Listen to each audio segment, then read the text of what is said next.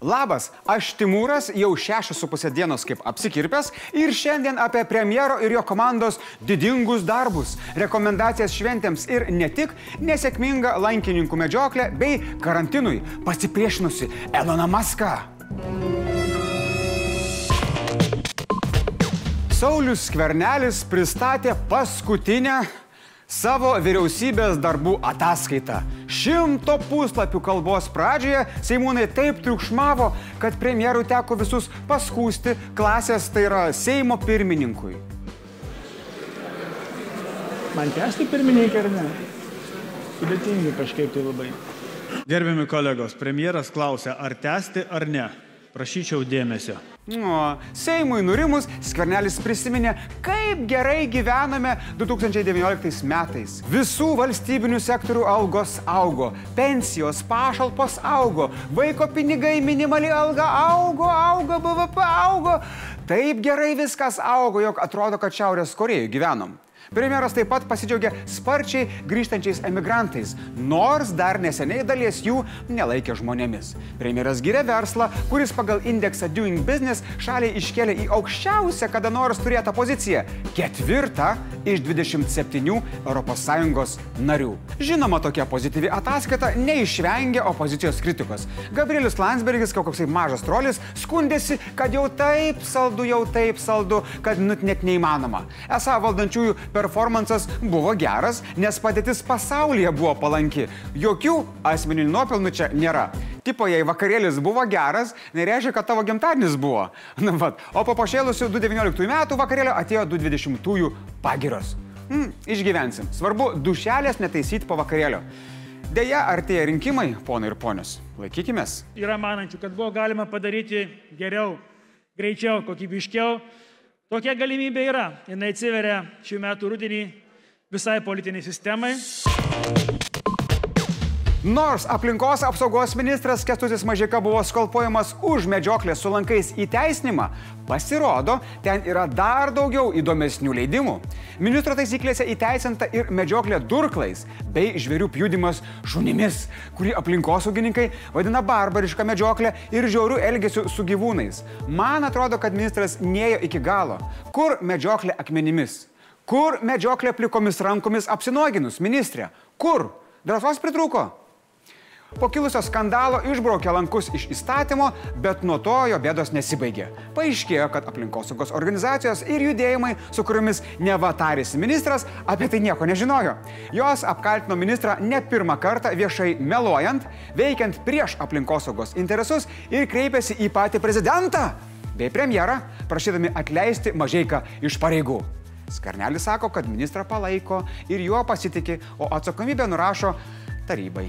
Ministro tikrai nenoriu kalbėti, kad atsakomybė, bet galbūt tie, kas tokius sprendimus formulavo, pasvartys apie politinę atsakomybę. Pats Mažieika pareiškė, kad iš pareigų nesitrauks ir nukreipė kritikos strėlės į viceministrę Rasą Vaitkevičiūtę. Ji yra medžioklės tarybos pirmininkė ir vakar paaiškino, kad Mažieikos pasirašytas buvo ne leidimas nuo 2022 metų medžioti su lankais, o draudimas iki 2022 medžioti su lankais. Tai čia jinai rimtai tokį šovė. Taip, taip. tai čia pasirodo, mes durniukai nesupratom. Hmm. Pagaliau paaiškėjo, kaip karantine galima švęsti asmeninės šventes. Na tokias kaip krikštynos, jubiliejus ar veselės. Šiaip tai visų pirma sveikatos apsaugos ministerija rekomenduoja iš viso jų nerengti ir nukelti kada nors į ateitį. Nu, jei jau negalit nukelti, ministerija patarė švęsti laikantis trijų taisyklių, nu kaip Dievo įsakymų. Pirma, kviesti tik artimiausius žmonės. Tai gali būti pasiteisinimas, kodėl nekviečiat antros eilės tėtos pusėserės. Bet čia realiai grėsia giminės skilimu. Tai rizika pats prisimat. Antra, šventėse draudžiama dalyvauti tiem, kuriem privaloma saviizolacija. Kalbame apie jūsų pusbrolį, kuris iš Anglijos turi grįžti į jūsų vestuves ar pusėserę, kuri į krikštynas yra pakviesta. Šitie dažnai per daug išgeria ir būna agresyvūs, tai gal ir gerai, kad neleidžia. Ir trečia, negali dalyvauti tie, kurie yra rizikos grupėje ar jaučia simptomus. Taip pat vis dar išlieka rekomendacija laikytis hygienos, kosėti ir čiaudėti į alkūnę, išlaikyti saugų atstumą ir dažniau plauti rankas muilu. Palauk, nesąmonė, tai kaip dabar užtaliai normaliai su tėtom ir dėdėm susėst? Visigi susikibė parankės, kur tu čiaudėsi? Per stalą ten atstumo nepalaikysi, nes visi sėdi šalia. Nu, normaliai šventė nesigauna. Visa tai galioja ir laidotuvėms, kuriuose nuo šiandien gali dalyvauti neribotas skaičius žmonių.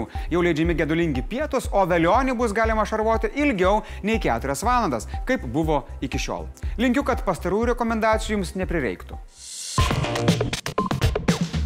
Egzistuoja teorija, kad Elonas Maskas yra ateivis, įstrigęs žemėje ir neturintis kito pasirinkimo, kaip tik išrasti technologijas, kurios leistų jam grįžti namo.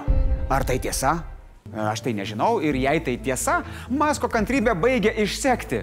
Vos prasidėjus karantinui jis buvo vienas pirmųjų ir aršiausių jo priešininkų. Galiausiai nusprendė nebepaisyti Kalifornijos draudimų ir atidaryti Tesla gamyklą. Vietos pareigūnai pareiškia, kad bus labai liūdna, jei policijai reikės įžengti į Tesla teritoriją. Elono reakcija. Tegul ateina. Ir dar jis pasakė, kad policijai atėjus reikalaus suimti būtent jį. O, oh, koks pasiaukojimas. Kankinkit būdelį mane stipriau. Beje, Elonas pagrasino, kad iškels iš Kalifornijos Tesla būstinę į Nevadą arba netgi Teksasą. Tesla ten yra įdarbinusi 20 tūkstančių žmonių, o bedarbystės augimo tempai Amerika pastarosius du mėnesius mušė rekordus. Tai Kalifornijos gubernatorius greit nusileido Maskui ir pranešė, kad Tesla galės atnaujinti veiklą.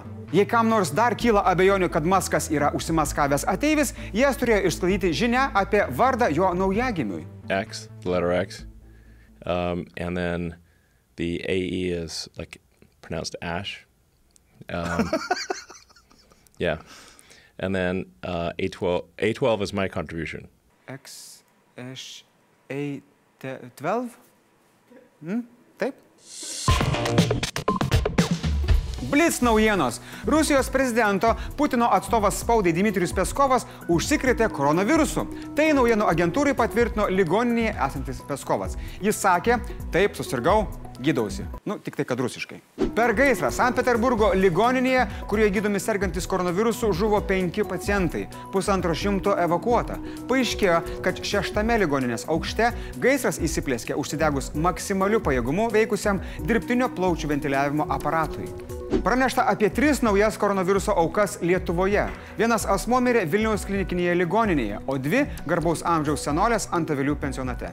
Klaipėdos valdžia nusprendė, kad vaikų į mokyklos suolus gražinti jau, nu, nėra ko. Tai mokslo metus jie baigs nuotoliniu būdu.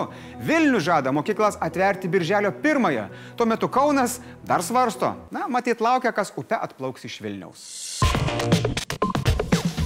Šį rytą Vilnių užklupus spūgai paskambinau kolegijai Silvijai. Silvija emocijų nevaldė. You like the snow? No. Why not? Can you say snow? Pasirodo, Silvija tikrai taip labai nemėgsta sniego, bet kadangi jis jau nutirpo, ryt žada darbę pasirodyti. Arba ne. Šiandien tiek žinių, iki.